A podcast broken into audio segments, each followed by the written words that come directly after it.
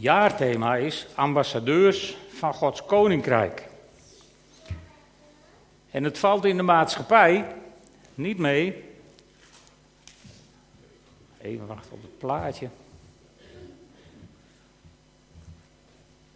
Ja, daar is. Het valt in de maatschappij niet mee om ambassadeur te worden, als iemand van jullie die aspiratie al zou hebben. Uh, de Nationale Beroepengids zegt er het volgende over. Om ambassadeur te worden dient men een intensieve cursus tot ambassadeur te volgen, die enkel gegeven wordt door het ministerie van Buitenlandse Zaken.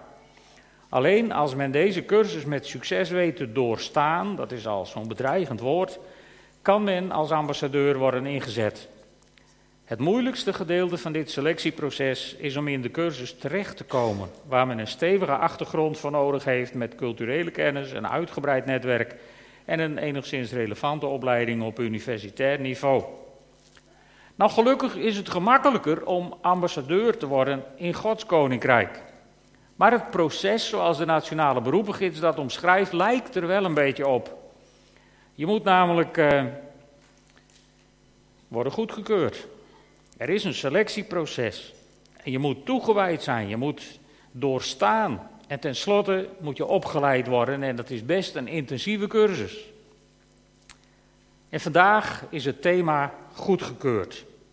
Volgende week is het thema toegewijd en op 7 februari is het thema opgeleid. Dus als u de hele serie wilt horen, zult u nog eens terug moeten komen.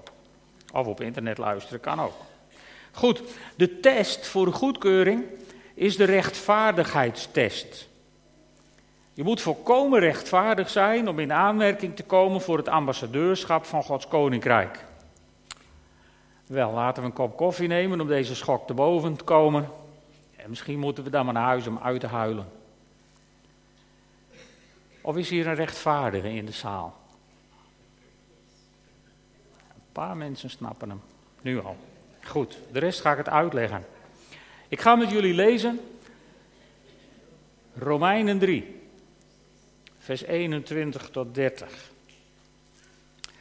Daar staat Gods gerechtigheid, waarvan de wet en de profeten al getuigen, worden nu ook buiten de wet zichtbaar. God schenkt vrijspraak aan allen die in Jezus Christus geloven en er is geen onderscheid. Iedereen heeft gezondigd en ontbeert de nabijheid van God. En iedereen wordt uit genade die niets kost door God als een rechtvaardige aangenomen, omdat Hij ons door Christus Jezus heeft verlost. Hij is door God aangewezen om door zijn dood het middel tot verzoening te zijn voor wie gelooft. Hiermee bewijst God dat Hij rechtvaardig is, want in Zijn verdraagzaamheid gaat Hij voorbij aan de zonden die in het verleden zijn begaan. Hij wil ons nu in deze tijd Zijn gerechtigheid bewijzen. Hij laat ons zien dat Hij rechtvaardig is door iedereen vrij te spreken die in Jezus gelooft. Kunnen wij ons dan nog ergens op laten voorstaan? Dat is uitgesloten. En door welke wet komt dat? Door de wet die eist dat u Hem naleeft? Nee, door de wet die eist dat u gelooft. Ik heb u er immers op gewezen dat een mens wordt vrijgesproken door te geloven en niet door de wet na te leven. Is God soms alleen de God van de Joden en niet die van de heidenen? Zeker, ook die van de heidenen. Want er is maar één God en hij zal zowel besnedenen als onbesnedenen op grond van hun geloof als rechtvaardigen aannemen. Tot zover de schriftlezing. Uh, ik wil met jullie een paar versen even bekijken. In vers 21 daar staat, Gods gerechtigheid, waarvan de wet en de profeten al getuigen, wordt nu ook buiten de wet om zichtbaar. Buiten de wet om zichtbaar. Met andere woorden, er is een gerechtigheid uit geloof, onafhankelijk van de wet. Dat is eigenlijk het centrale thema van de hele brief van Paulus aan de Romeinen. En hij zegt het nogmaals in vers 22. God schenkt vrijspraak aan allen die in Jezus Christus geloven. Er is geen onderscheid. En hij, eh, hij bevestigt dat ook bijvoorbeeld in zijn brief aan de Galaten, waar hij zegt: We weten dat niemand als rechtvaardige wordt aangenomen door de wet na te leven. maar door het geloof in Jezus Christus. Ook wij zijn tot geloof in Christus Jezus gekomen om daardoor en niet door de wet rechtvaardig te worden. Want niemand wordt rechtvaardig door de wet na te leven. En dan staat er in vers 23, iedereen heeft gezondigd en ontbeert de nabijheid van God. Dat heb ik heel lang een hele lastige tekst gevonden. Ik weet niet hoe het jullie gaat, maar als ik dat vroeger hoorde in een preek, allen hebben gezondigd en derven de heerlijkheid Gods, dan dacht ik, maar dat valt misschien wel een beetje mee. Langzaam maar zeker ontdek je dat het helemaal niet meevalt, maar dat het ernstig tegenvalt. En dat Paulus gelijk heeft. Door de zondeval is het hele mensdom besmet met de zonde. En, en niemand is rechtvaardig. En niemand kan daardoor zomaar een relatie met God hebben. Daar hebben we een man zonder zonde voor nodig. Jezus Christus. En over Jezus Christus zegt Paulus dan in vers 25. Dan zegt hij, zegt hij zo mooi. Dat is, dat, weet je, dat is het Joodse offerbegrip. Ik moet even schakelen, want het loopt niet zoals ik wil dat het loopt. Zo kan ik hem zien. Dat gaat over Jezus, waarvan Paulus zegt, hij is door God aangewezen om door zijn dood het middel tot verzoening te zijn voor degene die gelooft. Dus het middel tot verzoening. En het middel tot verzoening, dat is zo'n uh, zo'n Joods begrip wat gaat over het offerlam. Als de Joden hadden gezondigd, dan hadden ze een middel nodig tot verzoening. En dat moest een lam zijn of een ander dier, zonder enig gebrek. Daar mocht niks aan mankeren. Dus als, als je naar ons mensen ziet, als iemand van ons het middel tot verzoening zou willen zijn, dan zijn we allemaal afgekeurd. Want niemand van ons is volmaakt. Maar Jezus Christus was het volmaakte offer, het volmaakte middel tot verzoening. Voor wie gelooft, zegt Paulus erbij. En hiermee bewijst God dat hij rechtvaardig is, want in zijn verdraagzaamheid gaat hij voorbij aan de zonden die in het verleden zijn begaan. Dus iemand kan, kan een heel, heel zondig leven achter de rug hebben, heel veel verkeerde dingen gedaan hebben. En als hij bij God komt, dan kijkt God daar niet meer naar. Dan kijkt hij naar de mens die bij hem komt en dat is op dat moment bepalend. Net zoals de verloren zoon die terugkomt bij de vader.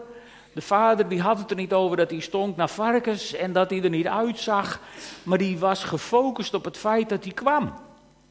Dat was waar het om ging, dat was, dat was genoeg.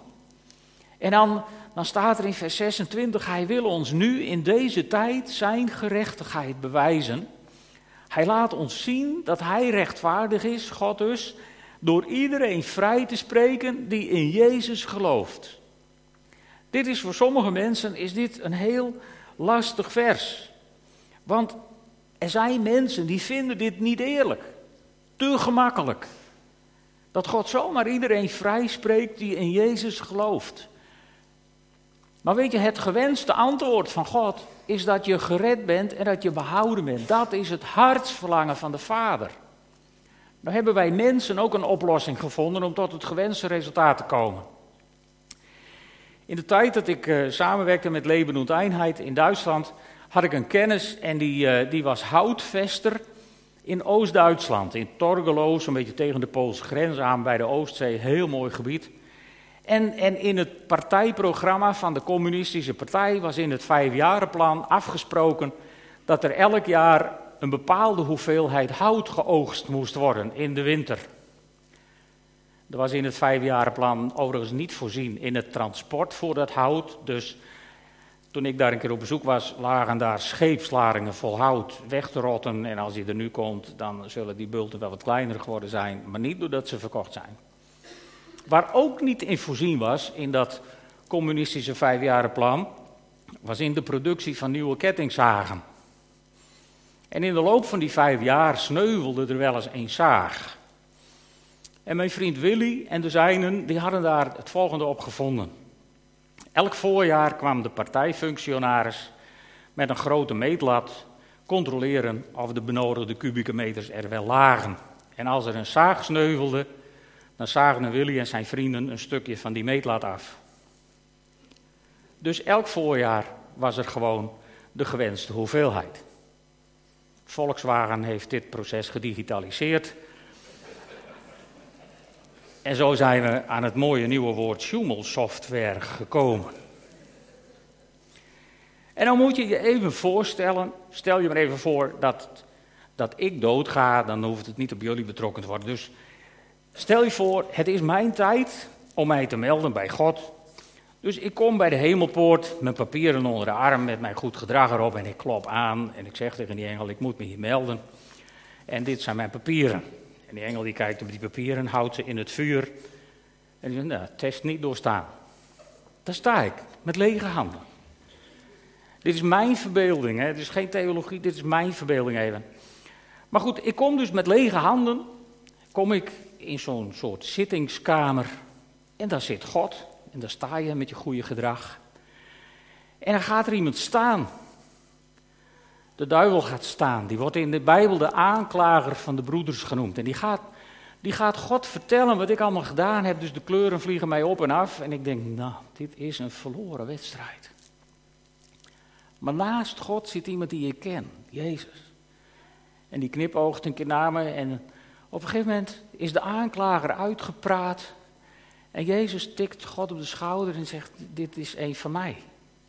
Oh ja, zegt God, echt? Nou, we zullen zien. En God pakt zijn tablet, hè, de hemel is ook met de eeuwigheid meegegaan. En die kijkt op zijn tablet in zijn testprogramma. En omdat Jezus zei: Het is een van mij, download God de Jezus-app. En wat ziet hij op de Jezus-app? In plaats van een hele lijst met klachten, zegt God van nou, ik zie niks verkeerds. En die zet het stempel erop, goedgekeurd. En de duivel die moppert daar wat om over zoemelsoftware en zo. Maar ik ben in hemel. Dit is ongeveer hoe het werkt, denk ik. Maar ik kom daar straks nog even op terug. Want dit voorbeeld loopt een beetje kreupel. Maar waar ik eerst even met jullie heen wil, in het volgende vers staat, kunnen wij ons dan nog ergens op laten voorstaan? Nou, ik niet, want toen de engel dit in het vuur hield, bleef er niks van over. Dat is uitgesloten, zegt Paulus. Maar door welke wet komt dat? Door de wet die eist dat u hen naleeft. In het Griek staat hier eigenlijk door de wet van de werken. Nee, door de wet van het geloof. Daardoor ben ik behouden. Niet omdat ik bijzonder ben. Niet omdat ik dat verdiend heb. En dan wil ik met jullie naar vers 24. Heb ik overgeslagen, maar dat is de centrale tekst voor deze ochtend. Daar staat: Iedereen wordt uitgenade die niets kost, door God als een rechtvaardige aangenomen, omdat Hij ons door Christus Jezus heeft verlost. Dan moet je even goed opletten, hier staat een hele hoop in één vers. Het begint met het begrip iedereen. In Romeinen 9, vers 30, daar zegt Paulus: Wat kunnen we hier nu uit opmaken? Hoewel ze er niet naar hebben gestreefd, zijn heidenen, dat zijn wij dus, hè, niet Joden, als rechtvaardigen aangenomen op grond van hun geloof. Dus het geldt voor iedereen, voor Joden en voor heidenen. Dit geldt voor alle mensen op de wereld. Ze zijn door God in principe allemaal aangenomen. Van Gods kant is er geen belemmering. Jurjen Hemmer heeft vorige week iets, iets soortgelijks gezegd. Hij heeft er ook bij gezegd dat dit niet een soort alverzoeningsleer is, maar van Gods kant is het geregeld. Je moet dat alleen nog aannemen in geloof. Dat is een hele lastige drempel, maar daar komen we zo meteen bij. Iedereen, en het is uit genade. Als Paulus een brief schrijft aan zijn leerling Titus, dan schrijft hij: Zo zijn wij door zijn genade als rechtvaardigen aangenomen en krijgen we deel aan het eeuwige leven waarop we hopen. Dus ik had eigenlijk best een beetje moediger op de deur kunnen kloppen. In plaats van heel benauwd te zeggen: Ik moet me hier melden. Had ik ook kunnen zeggen: Hallo, hier ben ik. Want ik ben als rechtvaardige aangenomen en heb deel aan het eeuwige leven. Wauw. En, en dan staat er zo mooi: die niets kost. Ik heb er even tussen gezet, die ons in ieder geval niets kost. Hier staat in, in de grondtekst staat dat we, dat, het, dat we de genade als een geschenk hebben gekregen. Het Griekse woord dorean, dat betekent geschenk. En het gaat ook over genade. Het Griekse woord voor genade is charis. in het Latijn is dat gratia geworden en daarvan komt ons woord gratis. Dus het kost niets. Ons niet tenminste. Maar goed, we weten denk ik allemaal wel, er is niks gratis. Als je wat gratis krijgt, dan heeft iemand anders daarvoor betaald. Alhoewel, als je in de winkel wat gratis krijgt, neem van mij aan, dan heb je dat zelf al lang op een andere manier betaald. Maar niet bij God. Als je bij God wat gratis krijgt, genade, dan heeft iemand daarvoor betaald. En dat staat er ook in. Iemand heeft betaald. En dat staat in Galaten 3. Lees ik jullie een stukje voor, Galaten 3, vers 13. Maar Christus Jezus heeft ons vrijgekocht van deze vloek, dus van de vloek van het verloren zijn, door voor ons te worden vervloekt. Want er staat geschreven, vervloekt is ieder mens die aan een paal hangt. En dan gaat het over het kruis. En in vers 4 en 5 van hoofdstuk 4, daar staat, maar toen de tijd gekomen was, zond God zijn zoon, geboren uit een vrouw en onderworpen aan de wet, maar gezonden om ons vrij te kopen van de wet, opdat wij zijn kinderen zouden worden. Hier gaat het dus heel, heel specifiek over vrijgekocht zijn. En als je in het Grieks het woord verlossing leest, dan zit daar het woord losprijs in. Dus er is een losprijs voor ons betaald, waardoor wij vrijgekocht zijn van de machten van het kwaad. En daardoor hebben wij toegang tot God. En er zijn mensen die durven dan het woord goedkope genade in de mond te nemen. Als je het zo uitlegt. Ah, dit is goedkoop, dit is goedkoop. Nee, dit was, dit was helemaal niet goedkoop. Dit was het, het duurste wat er ooit op deze aarde is gekocht. Paulus schrijft in, nou, in 1 Petrus 1, dan schrijft hij, u weet immers dat u niet met zoiets vergankelijks als zilver of goud bent vrijgekocht uit het zinloze leven dat u van uw voorouders had geërfd, maar met het kostbare bloed van een lam zonder smet of gebrek van Christus. Je bent gekocht en betaald door God. En dat was schreeuwend duur. En de vraag aan ons is: ben je bereid om dat aan te nemen? Dit cadeau. Dit was het duurste cadeau wat iemand ooit heeft gekocht. Ben je bereid om dat aan te nemen? Een andere weg is er namelijk niet, want het is niet te verdienen. Als hier nog mensen zijn die denken dat ze hun behoud kunnen verdienen, dat ze door goed hun best te doen het ook wel klaar krijgen met God, dan moet ik je hevig teleurstellen. En ik heb daar een goede getuige bij, Paulus, die schrijft in Romeinen 4, vers 2. Indien hij als een rechtvaardige zou zijn aangenomen op grond van zijn daden, dan had hij zich daarop kunnen laten voorstaan. Maar niet tegenover God. Want toen ik mijn briefjes aan de engel gaf, toen gingen ze in het vuur en er bleef niks van over. Helemaal niks. Je moet het hebben van de genade. Je moet het hebben van je geloof in Jezus Christus. Dat is de enige kans, de enige kans die je hebt als je voor het aangezicht van God verschijnt. We zijn als rechtvaardigen aangenomen. In Romeinen 4 haalt Paulus Abraham aan als voorbeeld. En hij zegt over Abraham, want wij denken dan dat we nog wat moeten. Hè? Dat we nog altijd, we, we willen graag wat moeten. Wij willen graag een bijdrage leveren aan dit verhaal waar we niks aan hebben bij te dragen. En dat is lastig voor ons mensen. Daar hebben we een worsteling mee. Maar Paulus zegt over Abraham, de besnijdenis ontving hij later als een bezegeling. Toen was hij al lang als rechtvaardige aangenomen. Dus hij werd niet aangenomen omdat hij zich liet besnijden. Nee, dat kreeg hij later. Als teken dat hij als onbesnedene rechtvaardig was, omdat hij op God vertrouwde.